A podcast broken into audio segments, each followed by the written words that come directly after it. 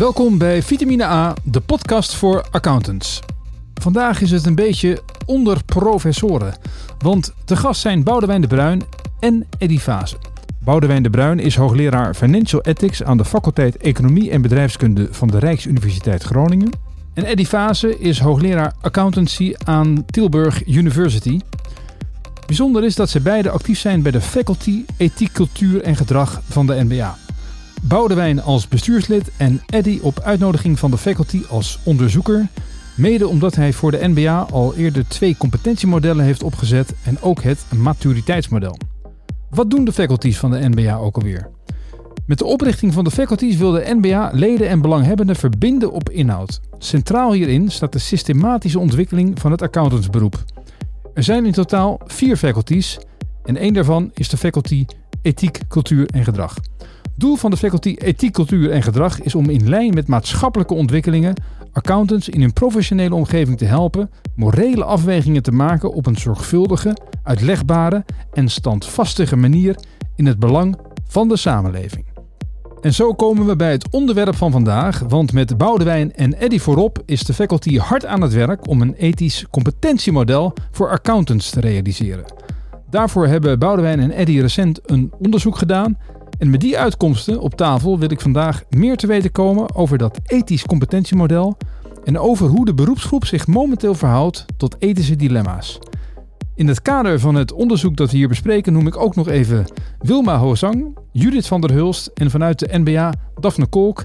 Zij zijn zeer actief betrokken bij de totstandkoming van het uh, model dat we vandaag bespreken. Maar voor nu, Boudewijn en Eddy, van harte welkom bij Vitamine A, de podcast voor accountants. Boudewijn, uh, kan je om te beginnen iets vertellen over jouw achtergrond uh, binnen het kader van de eigenlijk algemeen de financiële ethiek en wat daar jouw uh, specifieke aandacht heeft? Ja, dankjewel. Uh, financiële ethiek is eigenlijk een, een, een onderdeel van de bedrijfsethiek. En, en waar ik met name mee, in geïnteresseerd ben, is, zijn thema's die te maken hebben met hè, hoe ja, zorg je ervoor dat er binnen de financiële uh, sector in het algemeen, banken, verzekeringsmaatschappijen, ik kijk ook naar, naar de accountants dus, ja, invulling gegeven wordt aan ethisch gedrag. En dan kun je kijken naar gedragscodes, maar je kunt ook denken aan de manieren waarop je gedrag meet, psychologische maten van gedrag. Um, en dat is uh, ja, eigenlijk het thema dat mij ook uh, naar de MBA toegebracht heeft. Al een jaar of tien geleden ben ik uh, begonnen om ja, mee te denken over manieren waarop we ethiek kunnen stimuleren bij de accountants.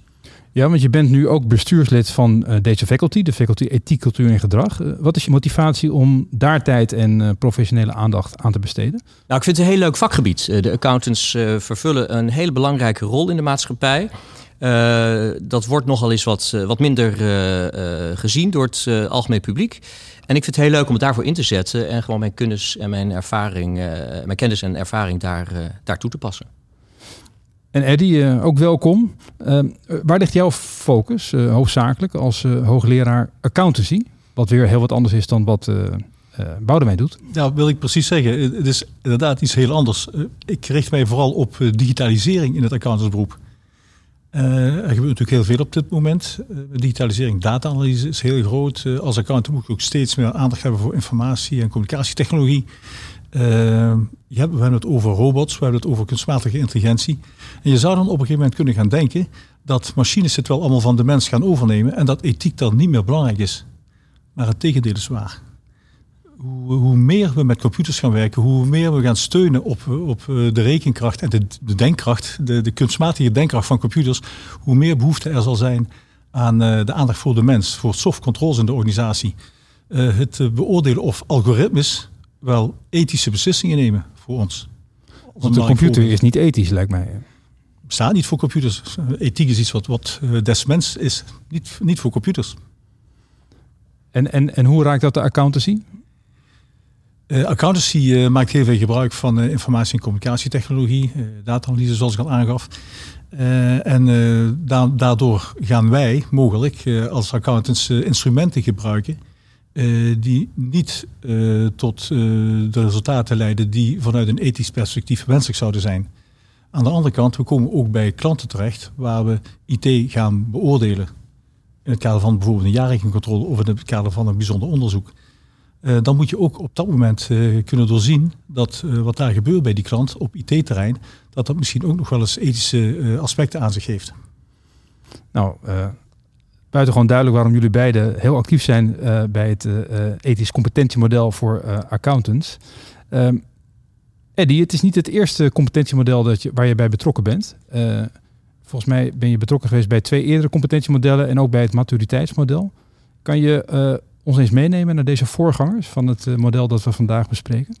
Ja, we zijn al een hele tijd bezig. Eh, we zijn in 2014 begonnen met het eh, werken aan modellen die proberen de, de financieel professional te, te modelleren, in, in, beeld te brengen. Van wat doet hij nou, waar houdt hij zich mee bezig, waar kan op een gegeven moment een financieel professional gebruik van maken om bijvoorbeeld zijn PE op een hoger niveau te krijgen, zijn permanente educatie op een hoger niveau te krijgen. Nou, dat heeft uiteindelijk uh, na verschillende iteraties geleid in 2020 tot een model voor de accountant en business. Een competentiemodel, waarbij we uh, een, kaart hebben gebracht van waar zitten nou de competenties van een accountant en business. en dan vindt een nulmeting plaats die mensen via een instrument, via een vragenlijst kunnen invullen. En vervolgens gaan we dan kijken van ja, waar wil die eigenlijk naartoe, die accountant en business?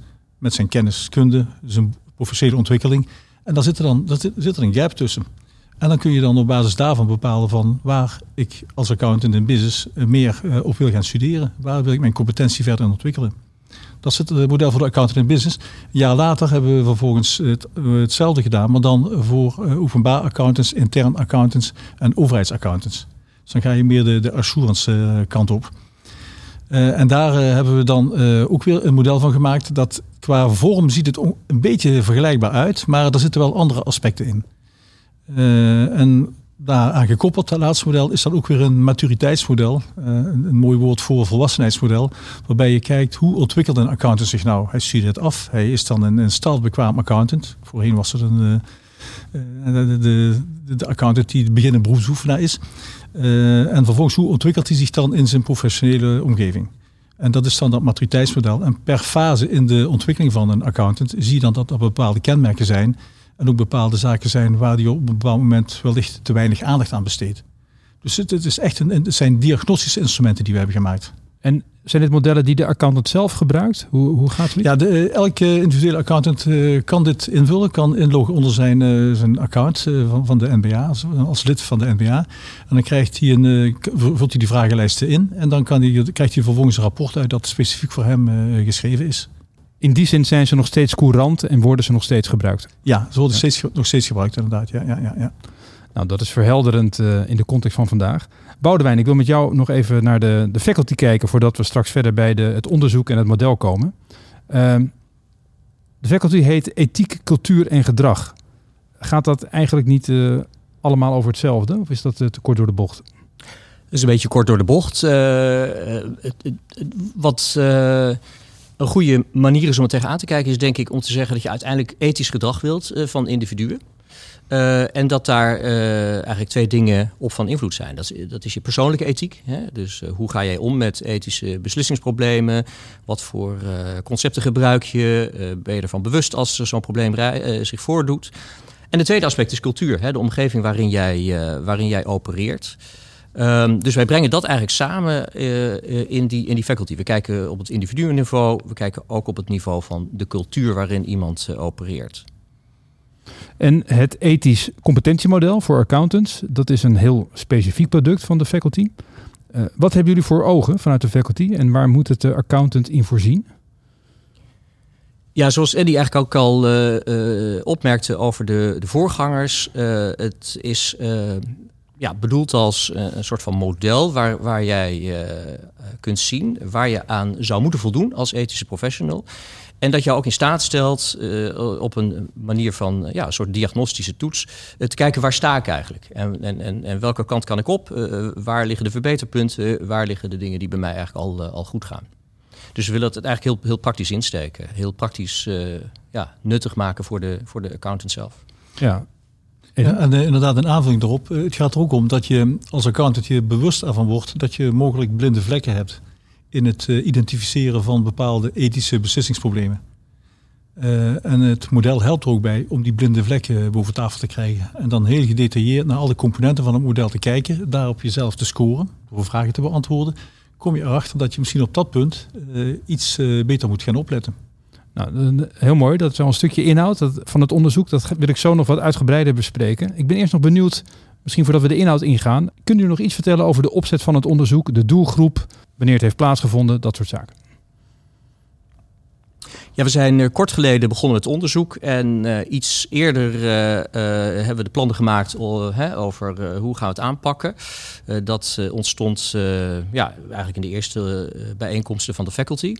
En dat onderzoek dat, uh, heeft als, ja, als, als vorm eigenlijk aangesloten bij literatuur. Uh, hè, zowel Eddie als ik komen vanuit die literatuur op een aantal vragen die we aan mensen wilden voorleggen in een soort van pilot om te kijken van uh, ja, is dit eigenlijk wel het model waar we mee uit de voeten kunnen? en zo is het, is het opgezet. En het onderzoek heeft dus nu plaatsgevonden en het model, ik heb al een concept gezien, is vormgegeven, dat wordt straks gelanceerd. Nou, we gaan eerst uh, uh, ja, input uh, inwinnen vanuit de praktijk. We hebben rondetafelgesprekken. we gaan die voor en na de zomer voeren met, met allerlei betrokkenen. Om te kijken van, hè, wij kunnen wel een model bedenken, maar het moet ook een goed model zijn dat in de praktijk ook resoneert. En, uh, en dat willen we in de, in de komende uh, tijd gaan doen. Op basis van het onderzoek uh, hebben we al wat. hebben we toch het idee dat we, dat we er niet heel erg naast zitten. Het, het, het, loopt, het loopt eigenlijk wel goed. Maar het kan zijn dat we in de, in de praktijk toch verfijningen, verbeteringen aan moeten gaan leggen die voortkomen uit die ronde tafelgesprekken. Ja, het onderzoek is ook nog niet af. we hebben één fase, nou, nee, twee fasen moet ik zeggen. De eerste fase was natuurlijk literatuurstudie. We hebben een model gebouwd op basis van literatuur uit de ethiek en literatuur uit de accountancy. En de tweede fase is geweest dat we de vragenlijst hebben uitgezet. En dat is wat we nu als onderzoek bestempelen. En daar hebben we ook de resultaten van. Uh, maar er komt nog veel meer. We gaan die ronde tafels, zoals Boudewijn net opmerkt, gaan we organiseren. En daarna mogelijk gaan we een model bijstellen. Want het, het is vrijwel niet, niet, denkbaar dat het model zoals we dat nu zelf hebben bedacht, dat dat meteen goed is. Daar hebben we natuurlijk de input vanuit uh, het beroep, uh, vanuit het veld nodig. Niet alleen accountants, maar ook mensen van, van buiten het beroep van de accountant. En vooral ook het maatschappelijk verkeer. Eh, die zijn ook nadrukkelijk betrokken bij die ronde tafel straks. Uh, op wat voor manier zijn die betrokken dan? Zitten die gewoon aan tafel? Of? Die doen mee aan de ronde tafeldiscussies, ja, ja. En aan wat voor partijen moet ik dan denken? Nou ja, van alles. Uh, ja, alle mensen eigenlijk die ja. Um, gebruik maken van hè, de verklaringen die, uh, en, het, werk van, uh, van accountants uh, in de praktijk. Dus dat zijn mensen uit de financiële sector, dat zijn advocaten, dat zijn mensen vanuit overheidsdiensten. Proberen eigenlijk iedereen erbij te betrekken die, die, die, daar ja, belang heeft bij, bij ethisch handelen in de, in de beroepsgroep. Nou, zeer verhelderend. We zitten dus nog niet aan het eind van het traject. We zitten misschien ergens halverwege. Er ligt een concept, maar het uiteindelijke model kan nog veranderen. Straks gaan we in ieder geval het model zoals het er nu ligt wat nader bekijken. Uh, ik denk dat we nu naar het onderzoek overgaan. In een van de eerste vragen uh, uit het onderzoek gaat het over de essentiële kenmerken van een ethisch dilemma. En uh, ik begreep in ons voorgesprek dat jullie het gebruik van het woord ethisch dilemma aan banden willen leggen. Wat is er mis mee, Boudewijn? Nou, wat wij, wat wij zien is dat accountants ethisch dilemma op een hele speciale manier interpreteren. Het is een, een beslissingsprobleem waarin er eigenlijk aan alle alternatieven wel wat, wat, wat, wat haken en ogen zijn. En waarin ook uh, vanuit een bepaalde optiek wel ge, uh, geargumenteerd zou kunnen worden dat dus daarom um, voor alles wel wat te zeggen valt. En uh, dat suggereert dat, um, dat het eigenlijk niet zo vreselijk veel uitmaakt wat je doet. En wij willen eigenlijk het begrip wat breder nemen. Wij willen praten over een ethisch beslissingsprobleem. Uh, omdat er in heel veel situaties gewoon één duidelijk goed antwoord, uh, één uh, duidelijk goede keuze is die mensen moeten maken. Um, en door het gebruik van het woord dilemma beperk je dus eigenlijk ja, de, de, de relevantie van ethiek veel te veel. Dus je zegt eigenlijk, we weten wat het goede gedrag is, dus dat is geen dilemma. Het is meer in de totstandkoming dat er dingen kunnen gebeuren waardoor een verkeerde beslissing wordt genomen om tot de juiste uitkomst te komen. Uh, zo zou je het kunnen zeggen. Plus ook dat uh, je door het gebruik van de term uh, dilemma jezelf eigenlijk een beetje voor de gek houdt.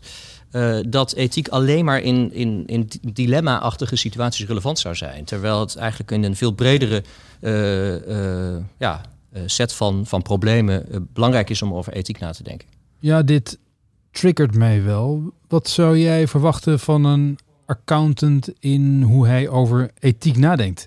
Is dat iets wat hij uh, wekelijks moet agenderen? Hoe, hoe doet hij dat? Ja, misschien kan ik daarop op reageren. Ehm, ik, doe heel veel referaatbegeleiding en, en examens referaten die accountants in een praktijkopleiding moeten doen. En daarin kom je dus heel veel dilemma's tegen. Want daarin zijn ze verplicht om dilemma te beschrijven. En waar je dan typisch tegenaan loopt, is een situatie waarbij uh, er een bepaalde tijdsdruk is. De jaarrekeningcontrole moet worden afgerond. Uh, we, hebben, we hebben geen tijd meer. maar de, de accountant in opleiding, die weet heel goed dat er nog een, nog een week werk is aan een bepaalde post. Moet hij gaan doen. Hij weet dat. Nou, hij gaat dan mee naar een hoger niveau binnen zijn team. Controlerende accountant. en die zegt dan, ja, maar we moeten die controle deze week afronden. Het gaat niet, we hebben geen tijd meer daarvoor.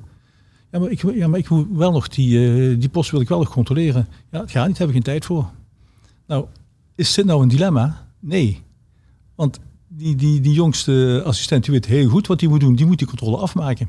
Dus hij moet dan alles op alles gaan zetten op dat moment om ervoor te zorgen dat die controle op de juiste manier wordt uitgevoerd.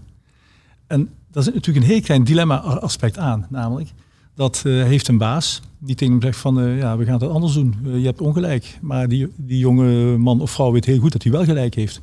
En dit zijn typische dilemma's die we vaak, dilemma's, de beslissingssituaties die we vaak tegenkomen in de accountancy. Gaat vaak om tijdsdruk, budgetdruk, belangen. Je hebt naar buiten je al gecommitteerd, iets gezegd naar buiten toe, waardoor je niet meer gemakkelijk terug kunt. Ja, dus eigenlijk is het wel duidelijk hoe, hoe, hoe uh, welk gedrag er nodig is. Alleen externe factoren waar die persoon uh, ook geneigd is naar te luisteren, bijvoorbeeld een leidinggevende ja. of, een, of een financieel aspect of iets dergelijks. Dat kan het dilemma zijn, maar dat is feit, dan is het feitelijk geen ethisch dilemma, maar een interpersoonlijk dilemma of een organisatiedilemma ja. of iets dergelijks. Ja, zo zou je het kunnen zeggen. Ja. Als we het hebben over het subjectief omgaan met ethiek, waar dit misschien ook een beetje over gaat, dat kan snel een glijdende schaal worden. Uh, als een accountant nou met een ethisch probleem zit, uh, hoe gaat hij dan een goede oplossing vinden?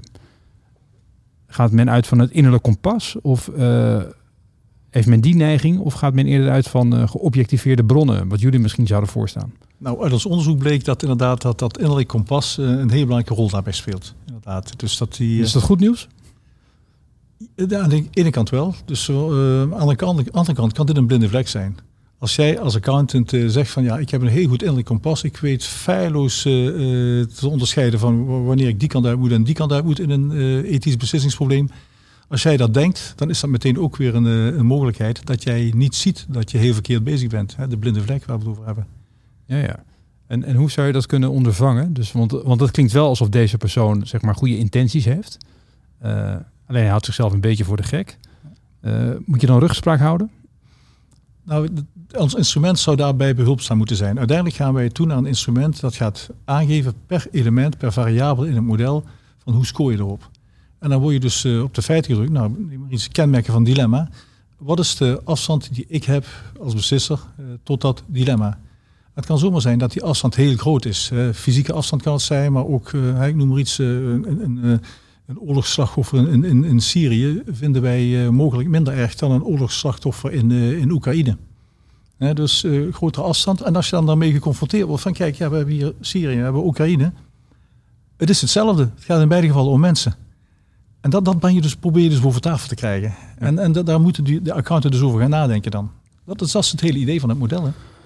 Boudewijn, een van de vragen in het onderzoek gaat over de overwegingen die men meeneemt in het beoordelen hoe men moet handelen rondom een ethisch dilemma. Wat kwam daaruit? Ja, wat we zien is dat uh, mensen uh, integriteit eigenlijk uh, op nummer één uh, stellen. Dat is natuurlijk ook heel belangrijk. Hè?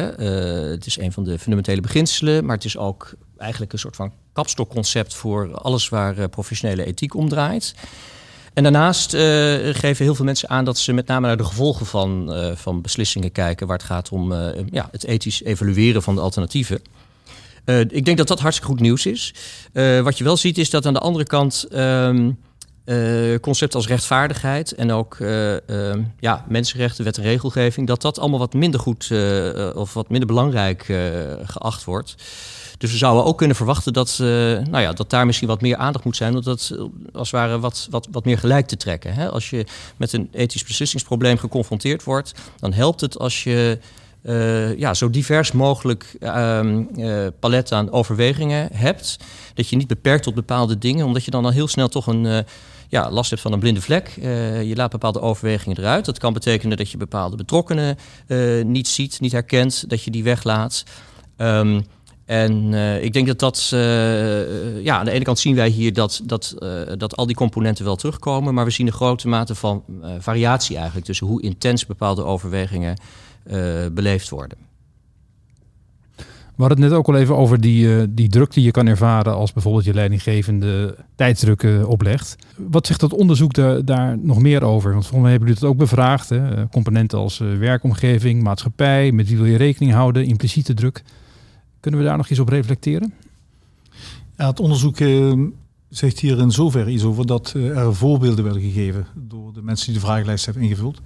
Uh, waaruit bleek inderdaad dat er uit allerlei gremia druk kan worden uitgeoefend. Op het moment dat die druk dan komt uit een leidinggevende, dan, dan kan het een probleem zijn. Want dan kan het als een dilemma worden gepercipieerd. aan de ene kant wil je het goede doen, aan de andere kant wil jouw baas jou het, het slechte laten doen. Ja, wat kies je dan? Want je hebt ook nog een, ja, het klassieke voorbeeld. Je hebt nog een huis, uh, vrouw en kinderen. Die moeten allemaal verzorgd worden. Je wil je, je baan niet kwijtraken. zo, zo, zo, dramatisch kan het allemaal worden. En dus dan, moet je een keuze maken. Dan kies je dan voor jezelf. Of kies je uiteindelijk toch voor ja, de kwaliteit van, van je werk. Uiteindelijk voor maatschappelijk belang. Want dat is dan de kwaliteit van je werk. Dus die druk, dat is zeker een heel belangrijk element. En dat is ook een element in het model. De, de component tijd heeft natuurlijk ook invloed op gedrag. We leven nu in een andere tijd dan 30 jaar geleden. Zien jullie dat ergens terug? dan wel in het onderzoek, dan wel misschien in de literatuur? Dat leeftijd invloed heeft op de moeite die het kost om al dan niet een ethische beslissing te nemen? Ja, we, hebben dat, we kunnen dat analyseren op basis van de vragenlijst die we hebben. in, in die zin dat, dat we natuurlijk we weten hoe, we hebben natuurlijk bevraagd hoe oud de mensen zijn. die hebben ingevuld ook hoeveel jaren ervaring ze hebben. We kijken eh, naar vragen als herken je blinde vlekken? Komt dit vaker voor? Heb je wel eens meegemaakt in je eigen omgeving? Dat, dat, dat type vragen. En als je dat nou eventjes gewoon anekdotisch doorneemt, en dat hebben we gedaan met de vragenlijst, dan zie je dat er eigenlijk nauwelijks een relatie is. Het heeft daarmee te maken dat er twee tegengestelde krachten zijn. Ja, aan de ene kant zou je kunnen verwachten dat mensen die net vanuit een opleiding komen en allerlei dilemma-trainingen achter de rug hebben, dat die uh, op een bepaalde manier er scherper op zijn dan mensen die al wat langer meelopen.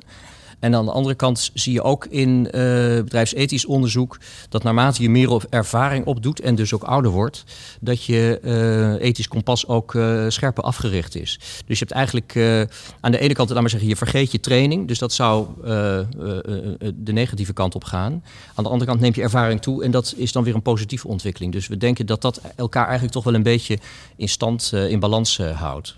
Dus het is relatief constant dat is wel de verwachting die we hebben. Ja. ja.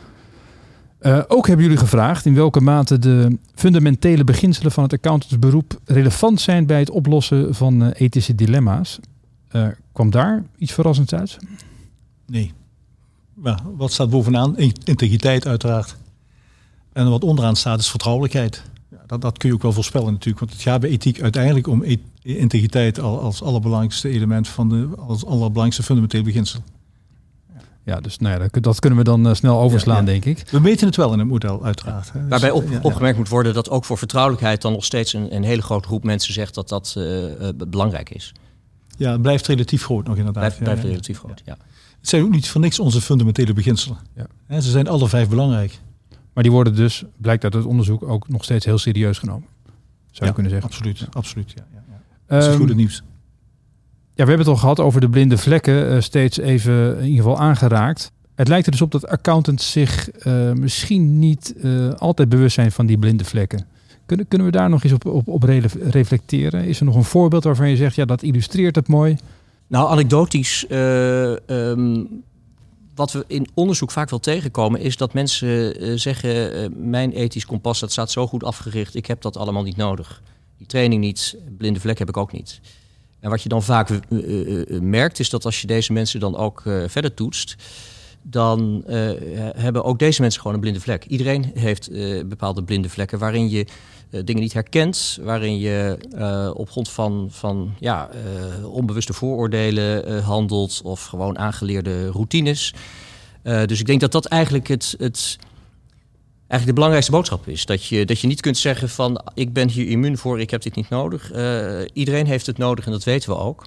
Uh, maar uh, het is voor iedereen ook mogelijk om, om zich te verbeteren. Er zijn manieren om, om die blinde vlekken in kaart te brengen en om ervoor te zorgen dat je er minder snel intrapt. Uiteindelijk is het model ook een tool om je eigen blinde vlek op te sporen. Ja, wat mij betreft is dat de allerbelangrijkste doelstelling van het model. Ja, ja want die blinde vlekken die, die zijn er. En je ziet ze niet, want het zijn blinde vlekken. Dus je moet een instrument hebben om dat boven tafel te krijgen, zodat jij het wel gaat zien. Er zijn natuurlijk ook mensen, en die zijn in elke beroepsgroep, en ook onder accountants zijn die er, die hebben een enorm ego. En die, uh, die willen het gewoon niet zien. Die denken van, ik weet alles het allerbeste. Ik ben de intelligentste accountant die er bestaat. Dus voor mij geldt het allemaal niet. Ja, en die mensen zijn ook met dit model niet te redden. En dat, zou je ook een blinde vlek noemen. klein groepje, hè? Sorry? En dat zou je ook een blinde vlek noemen. Ja, dat, dat, dat vind ik een heel grote blinde vlek natuurlijk. Ja? Zeker, ja. Ja, ja, maar dit is eigenlijk wel... Uh, hier ligt misschien wel de echte zorg. Dus je, je, je, kan een hele grote groep accounts bereiken met het model. Die hebben waarschijnlijk een goed ethisch, uh, ethisch kompas. Uh, die kunnen zich nog bewust worden van, van hun blinde vlekken. Dan zijn ze nog iets ethischer bezig. Maar die kleine groep waar jij het over hebt... dat is natuurlijk de groep die je eigenlijk zou willen bereiken. Maar die willen niet meewerken. Uh, kijk, dat is de groep die voor andere mensen de cultuur is, de omgeving waarin ze opereren. Dus als je bepaalde mensen niet kunt bereiken, dan kun je in ieder geval de mensen in de omgeving bereiken. Uh, uh, en ze erop voorbereiden en, en ook tools meegeven om om te gaan met mensen die inderdaad ja, onwillig zijn of die zich er niks van aantrekken. Maar, maar, maar, klopt die redenatie dat misschien ethisch gedrag zich langzamer de goede kant op ontwikkelt als deze componenten er zijn? Bijvoorbeeld die leidinggevende is zo iemand als Eddie beschrijft. Jij bent een jonge accountant van goede wil. Je hebt het uh, model in je achterzak. En je, ja, alleen opeens krijg je te maken met iemand die allerlei dingen roept, waar, waardoor je denkt, ja, hoe ga ik hier nou mee om? Ja, meestal wel. Ja, dat is ook onderzoek naar gedaan. Uh, toon at de top, hè? Uh, hoor je dan. Dus als die toon niet goed is, dan gaat het daar beneden ook minder goed. Maar je hebt ook toon at the bottom, die, die naar boven kan komen. Oh ja. Dus daar, daar, daar is ook wel recent wat meer aandacht voor. Dus ik denk dat het niet helemaal zwart-wit uh, gezien moet worden. Ik denk dat je ook van, van onderop bepaalde dingen in gang kan zetten. Je moet je ook niet, ver, je moet ook niet vergeten dat, dat heel veel mensen natuurlijk met die absolute top eigenlijk heel weinig in aanraking komen. Als de grote onderneming is. Dus dan, dan heb je allerlei plekken waar die toon belangrijk is. En waar je ook ja, van onderop bepaalde veranderingen soms nog wel eens ziet. Ik meen me ook te herinneren dat Muel Kaptein in de vorige podcast zei dat het eigenlijk met die toon at de top heel erg goed gaat. En dat het nu juist gaat om het elkaar aanspreken en het uh, bespreekbaar maken van dilemma's. Ja, dat, dat, daar, daar ben ik ook helemaal mee eens. Zo, uh, dat het met de toon de top goed gaat. En het komt doordat uh, wat wij doen als accountants, als beroepsgroep, dat dat heel erg in de spotlight staat. Iedereen heeft een mening over ons, hè, of dat nou gaat over parlementsleden of over het maatschappelijk verkeer in brede zin, onze klanten, onze kapitaal. Iedereen heeft een mening over accountants. En doordat je zo in de spotlight staat en denkt van ja, ik wil morgen niet in de krant komen met een negatief bericht, ga je ook bewust je, beter je best doen. Dat geldt niet alleen voor accountants, dat geldt voor ook mensen in het bedrijfsleven. Waardoor accountants dus ook geconfronteerd worden met, uh, met mensen in het bedrijfsleven, met CEO's, CFO's, die ook zich beter gedragen, een betere voorbeeld geven. Nu komen we bij een interessant onderdeel, want we gaan in deze audiopodcast uh, proberen het bij uitstek visuele model te verbeelden. Um, ik kan denk ik zeggen dat het ethisch competentiemodel voor accountants een beslissingsmodel is. Dat helpt een beslissingsprobleem uiteen te rafelen. Uh, ik heb een proefdruk van het model gezien. Visueel gezegd is het een ui die bestaat uit vijf ringen. En vanaf de buitenrand, waar zich een ethisch beslissingsprobleem bevindt, volgt een proces van vier stappen naar binnen, waar uiteindelijk de ethische besluitvorming plaatsvindt. Uh, Eddie en Boudewijn, mag ik jullie uitnodigen de bepaalde processtappen en wat je als je deze stappen doorloopt tegenkomt in de ringen van de ui, eens onder woorden te brengen. De luisteraar als het ware door het model heen te loodsen. Ja, allereerst het is een uh, model voor alle accountants. Dus uh, het gaat niet alleen over openbaar accountants of accountants in business of interne overheidsaccountants. Nee, dat is voor, alle accountants. En daarbinnen zelfs ook nog uh, openbaar accountants, ook mensen in de, in de samenstelpraktijk. dus die, die horen hier ook bij. Of een andere praktijk die veel meer in het MKB zich voordoet. Dat is heel belangrijk om, je dat te realiseren. Nou, dan inderdaad, het, zijn, het is een uien, uienmodel. We beginnen met, met het proces. Ehm, er, moet zich een, er doet zich een ethisch beslissingsprobleem voor. Nou, dat, dat moet de, degene die een beslissing moet nemen, moet dat onderkennen. Dat er een ethisch beslissingsprobleem is. Als hij dat dan niet onderkent, fase 1, dan, ja, dan, dan gaat hij ook niet verder. Gaat hij dit ook niet verder behandelen als een ethisch beslissingsprobleem. Vervolgens uh, moet hij daar uh, een aantal alternatieven. Dan gaat hij dus dat, dat, dat, uh, dat beslissingsprobleem gaat hij uiteenrafelen. Gaat hij kijken van ja, hoe moet ik dit nog gaan aanpakken? Welke alternatieven zijn er?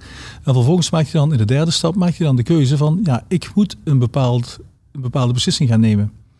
En dan vormt hij de intentie om een beslissing te nemen, om een uh, morele beslissing te nemen. En de vierde stap is dan uiteraard het daadwerkelijk ten uitvoer brengen van die beslissing. En tussen intentie en daadwerkelijk ten uitvoer brengen zit ook nog het een en ander. Dus het is ook niet, dit klinkt heel logisch allemaal, dat, dat je nu van, van, van intentie meteen recht doorgaat naar, eh, naar de uitvoering. Maar dat hoeft niet zo te zijn. Dus je hebt die vier fasen die altijd uh, worden doorlopen. Overigens, dit is iets wat uit de literatuur van de ethiek komt en niet uit de accountancy-literatuur. En wellicht dat Boudewijn hier nog wel wat, wat slimmere dingen over kan zeggen dan ik. Volgens mij is dit uh, helemaal, uh, helemaal correct. Het is gewoon het, uh, het standaardmodel dat inderdaad voor iedereen geldt. En waar je dus ook de blinde vlekken, hè, de haken en ogen die, die, die, je kunt tegenkomen, bij kunt illustreren. Als je van de intentie niet verder gaat, ja, daar, daar is het, het voorbeeld van de mensen die af willen komen van een verslaving, is daar een standaard voorbeeld bij. He, je, je, je wilt wel, je hebt je voorgenomen om, om, om minder te gaan roken, of, uh, maar het lukt niet. Want dat ethische beslissingsprobleem, voorheen dilemma genoemd, dat bevindt zich aan de buitenzijde. En uh, nu komen we bij het oordeel, daar gingen we net misschien wat snel overheen. Kan je dat nog eens toelichten? Wat gebeurt daar? Ja, het oordelen is eigenlijk het in kaart brengen van de relevante overwegingen. Het, de, de, relevante belangen van de be, betrokken partijen. Maar ook van de normatieve principes die daarbij van belang zijn. Dus dat is wet en regelgeving, dat is je integriteit. dat zijn ook de gevolgen voor de betrokkenen. en op, dat, hè, op het moment dat je dat oordeel vat, velt, dan, dan komt dat allemaal samen. Dus dat is eigenlijk het, het redeneren over wat is de goede goede oplossing. Dat is niet alleen maar een rationeel proces, dat is ook een, een, een proces waarbij natuurlijk uh, empathie een belangrijke rol speelt, waarbij hè, eh, je ook, dus ook een bepaalde emotionele verbondenheid moet hebben met, uh, met, het, met het probleem. maar uiteindelijk moet dat uitkomen in, in, een, in een oordeel, dit is wat ik hier ga doen. En als we dan weer teruggaan naar het model. Dus de, de buitenste schil is dan inderdaad die eerste stap. Het identificeren van het uh, ethisch beslissingsprobleem. En daar zijn dan vier factoren die daarbij een rol spelen. Dus kenmerken van het uh, ethisch beslissingsprobleem. De eerste is uh, het effect dat het dat uiteindelijk een beslissing heeft. Jij neemt een beslissing om iets te doen. En vervolgens heeft het een bepaald effect. En dat effect speelt een rol in het afwijken van wat is nou de, morele inhoud van dat, van dat beslissingsprobleem. Eh, de kans dat het effect zich voordoet, recht toe recht aan. Een grotere kans eh, leidt ertoe dat je natuurlijk daar eerder mee geconfronteerd zult worden. Maar ook de sociale consensus over dit, dit eh, beslissingsprobleem. En uiteindelijk ook, wat ik daar straks al als voorbeeld gaf, de afstand. dat kan dan zijn, ik noemde dat straks het voorbeeld van de fysieke afstand. Maar het kan ook zijn sociaal-culturele afstand. Um, andere cultuur, andere religie. man, vrouw, noem op. Al, alles wat met sociaal-culturele aspecten te maken heeft. En daarmee heb je dus vier factoren die samen dat uh, ethisch beslissingsprobleem afbakenen. En dat is eigenlijk de, of dat is de buitenste ring van het model. Ja. En dan komen we bij die ring van het oordeel, waar wij net al even een toelichting bij, bij gaf. En daar heb je eigenlijk ook weer een aantal van die deelcomponenten. Ja, en daar zit het natuurlijk, gaat het natuurlijk om het toepassen van, uh, van de fundamentele beginselen. Dus hier zie je recht toe recht aan, zie je terug de, de fundamentele beginselen uit de VGBA. Ja, dus dat, dat, dat zou een heel helder uh, uh, ring moeten zijn voor de accountant. En dan komen we bij de uh, intentie. Dat is eigenlijk de derde processtap. En die valt uiteen in twee ringen in het model zoals het er nu ligt. Hoe zit, uh, hoe zit dat? Ja, we komen dan uit op de, de persoon van de accountant. die onder invloed van allerlei externe factoren dingen doet zoals hij ze doet of wil gaan doen. de eerste ring van intentie die gaat dan over um, het geplande gedrag, de intentie die je hebt om gedrag uit te oefenen. En dat, en dat heeft te maken met je attitude ten aanzien van het gedrag. Sta je er positief of negatief tegenover? Ehm, het heeft te maken met ehm, de druk die op jou wordt uitgeoefend. Het heeft ermee te maken van, ik, ehm, ik kan nu gaan handelen, maar heeft het ook wel het gewenste effect? Het voorbeeld van daar straks, uh, een jonge accountant uh, die, uh, die zegt van nee, we moeten die controle nog een beetje uit, die af, langer laten duren, want we moeten nog extra controleinformatie verzamelen. Als die, die jonge accountant denkt van ja, dat kan ik nog wel roepen, maar niemand gaat mij daaraan steunen, dus dat kan ik net zo goed niet gaan roepen. Want dat, dat komt er toch nooit van. Ja, als je zo daarin zit, dan sta je dus onder invloed van de buitenwereld, in dit geval jouw baas. ga je dan toch een andere beslissing nemen dan je eigenlijk zou hebben genomen. En het leuke van het model is dan weer, je haalt dit boven tafel, mhm. dat je in dit specifieke dilemma uh, uh, percipieert dat je weinig invloed kunt uitoefenen, waardoor je dus uiteindelijk een andere keuze maakt, een andere beslissing neemt. En die volgende ring waarin ik dan aanleg, ervaring en opleiding zie staan. Ja, dan zit je nog meer in de, in de persoon zelf. Ja, want in feite beschrijf je met opleiding, aanleg en ervaring, beschrijf je alles wat een persoon nodig heeft om tot een professioneel oordeel te komen. Uh, de opleiding is evident. Hè. Je moet wel verstand van zaken hebben, deskundigheid en dat ook nog eens goed ten uitvoer brengen, zorgvuldigheid. Terug naar de fundamentele beginselen. Uh, de aanleg moet je hebben. Uh, een aap zal zelden een goede accountant worden. Hè. bekende voorbeeld. En dan ervaring natuurlijk. Door steeds meer ervaring, taakspecifieke ervaring op te bouwen, ga je betere beslissingen nemen. Kan het met dit model nou echt nog uh, alle kanten op? Kijk, we gaan die ronde tafels niet helemaal uh, onbevangen in natuurlijk. We hebben wel een bepaalde richting die we willen uitgaan. Uh, wat je zou kunnen doen is um, het stappenplan in vier fasen opdelen. Namelijk, jij bent een beslisser, je bent een accountant, je ervaart een beslissingsprobleem. Nou, vervolgens vul je de vragenlijst in. Het instrument dat we gaan ontwikkelen, dat, is dan, dat heb je dan voor jou geregeld. Dat vul je in om de morele intensiteit van dat beslissingsprobleem vast te stellen dus daarmee geef je in feite aan van, is dit, wat heeft dit met ethiek te maken? En hoe hoger de morele intensiteit, hoe meer het met ethiek te maken heeft. Die intensiteit, is dat een soort score die daaruit komt? Of, uh... Ja, dat is, een, dat is een, uit het vakjargon van de ethiek komt dat inderdaad, hè? de morele intensiteit. Ja, morele intensiteit is eigenlijk hoe, hoe staart het probleem je als een ethisch probleem in het oog? Of, of is dat juist heel uh, erg uh, vaag en onduidelijk? Dus hoe, hoe groter die intensiteit, hoe, hoe moeilijker het eigenlijk voor je wordt om uh, te missen dat, dat er iets ethisch aan de hand is.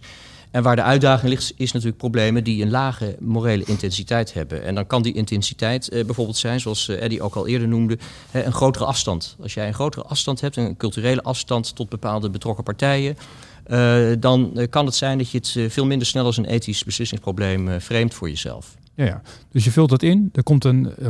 Ja, dan heb je dat voor, voor de, de twee buitenste ringen heb je het dan ingevuld. Dan heb je grip op het morele beslissingsprobleem, het, het ethisch beslissingsprobleem. Vervolgens ga je kijken van hoe sta ik daar zelf in ten opzichte van het probleem. En dan ga je dus de vragen beantwoorden die over jouzelf gaan. Wat is jouw persoonlijke motivatie om hier te komen tot een goede oplossing van dat ethisch beslissingsprobleem? En uh, wat zijn mijn persoonlijke kenmerken die daaraan bijdragen om tot een goede oplossing te komen? En dan komen we dus weer op die twee eh, binnenstringen uit. De, de, de, attitude die je hebt, de druk die op jou wordt uitgeoefend, de mate waarin je verwacht dat je invloed kunt uitoefenen, jouw opleiding, jouw, jouw ervaring en, en, natuurlijk de aanleg die je hebt. En, zou je misschien kunnen zeggen dat het model dan uiteindelijk vooral een richting geeft aan jou om een goed ethisch besluit te nemen? Is dat wat er, want er komt niet een uh, ja of nee uit, neem ik aan. Hier is het antwoord wel gewoon ja. Precies. Uh, ik denk dat ik bij de laatste vragen kom. En dat is misschien een beetje een gewe gewetensvraag. Dit model lijkt vooral gemaakt voor de individuele accountant. Uh, zou je ook niet moeten kijken naar hoe men in de organisatie opereert en voor organisaties een vergelijkbare tool moeten creëren? Nou ja, dit is de faculty ethiek, cultuur en gedrag. Uh, ik denk dat we nu heel erg op, uh, op de individuele ethiek zitten van de, van de individuele accountants. Uh, en het is inderdaad een hele logische stap om, om vervolgens te gaan kijken naar hè, de cultuur. Hè? Dus hoe ja, eigenlijk zouden we een, een, diagnostische toets willen ontwikkelen of kunnen ontwikkelen voor een organisatie. Maar ook hoe kan een organisatie blinde vlekken zien en voorkomen en, en daarmee omgaan. Dus dat is inderdaad een hele logische, natuurlijke manier om het onderzoek voor te zetten. Ja, nou ik zou bijna zeggen, nog even de rondvraag. Is er nog iets waarvan jullie zeggen, nou in de context van dit gesprek uh, vind ik het volgende nog uh, relevant om met de accountant te delen? En anders zou mijn vraag zijn, als de accountant morgenochtend wakker wordt, wat kan hij zelf nou even doen op dit vlak? Nou, ik zou eigenlijk een oproep willen doen aan, uh, aan alle accountants om ehm, te overwegen om mee te doen aan onze ronde tafels. We hebben daar we hebben veel input uit het veld nodig. Wij zijn niet degene die dit model moeten vormgeven inhoudelijk. Wij, bouwen het, maar we hebben de input van, van het veld nodig.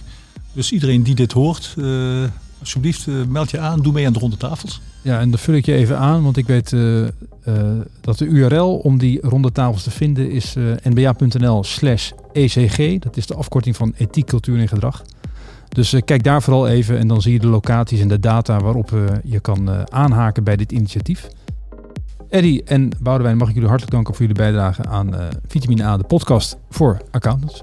En beste luisteraar, jij opnieuw bedankt voor het luisteren naar weer een nieuwe aflevering van Vitamine A.